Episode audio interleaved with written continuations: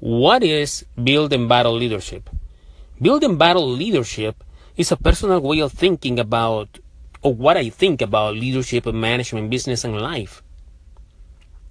There is a this is based on the thought that if you want to succeed, it's not only about building, but also is about battling. You had to build, you had to battle. Why? Because I learned during my life that not only life, but also business, everything is about people. Your success is about people. I have understood and I have learned that it's not only depending on me.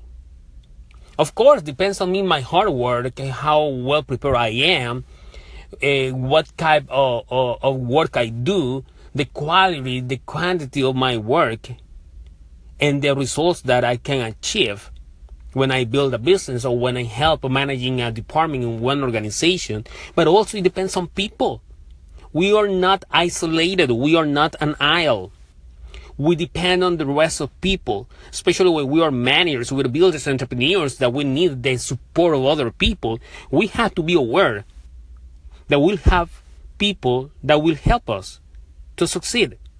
But we will have people that will be against us. That is we can tell you that the purpose of the building battle leadership philosophy or way of thinking, whatever you want to call it, is to bring awareness of who we really are and how our own experiences and dark sides as a human being that we have dark sides come into play in our success. Build battle leadership, I, I built this way of thinking in seven pillars, in seven thoughts that will help us to rethink our own life, our relationships, our business, our leadership. Because we have to build relationships, we have to build people, and we have to build people and give and give knowledge and skills to people and trust people that will come and go. Sometimes you help people that the same people that you have helped will be against you. And you have to be prepared for that. It's not only about, okay, I'm motivated to achieve my goal, you are motivated to achieve your goal. It's not only about us because it, it doesn't depend on only on us. It depends on the people that are surround us.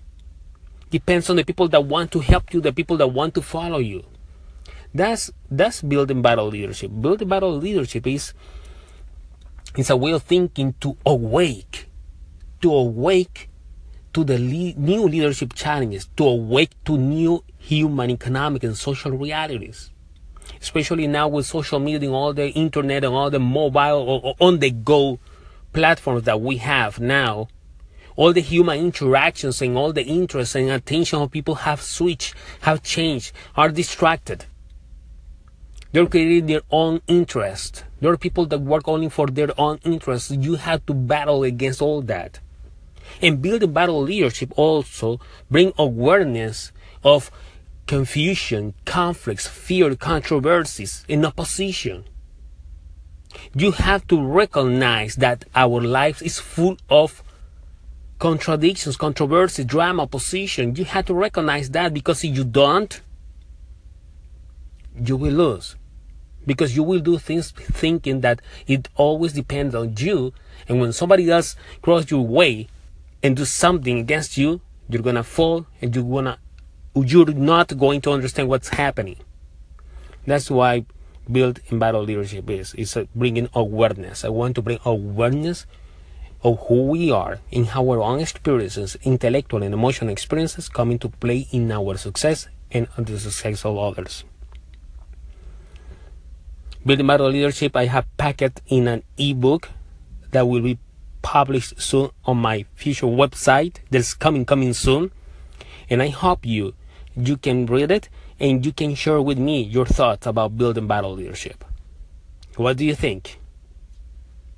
Build and battle. Until the next time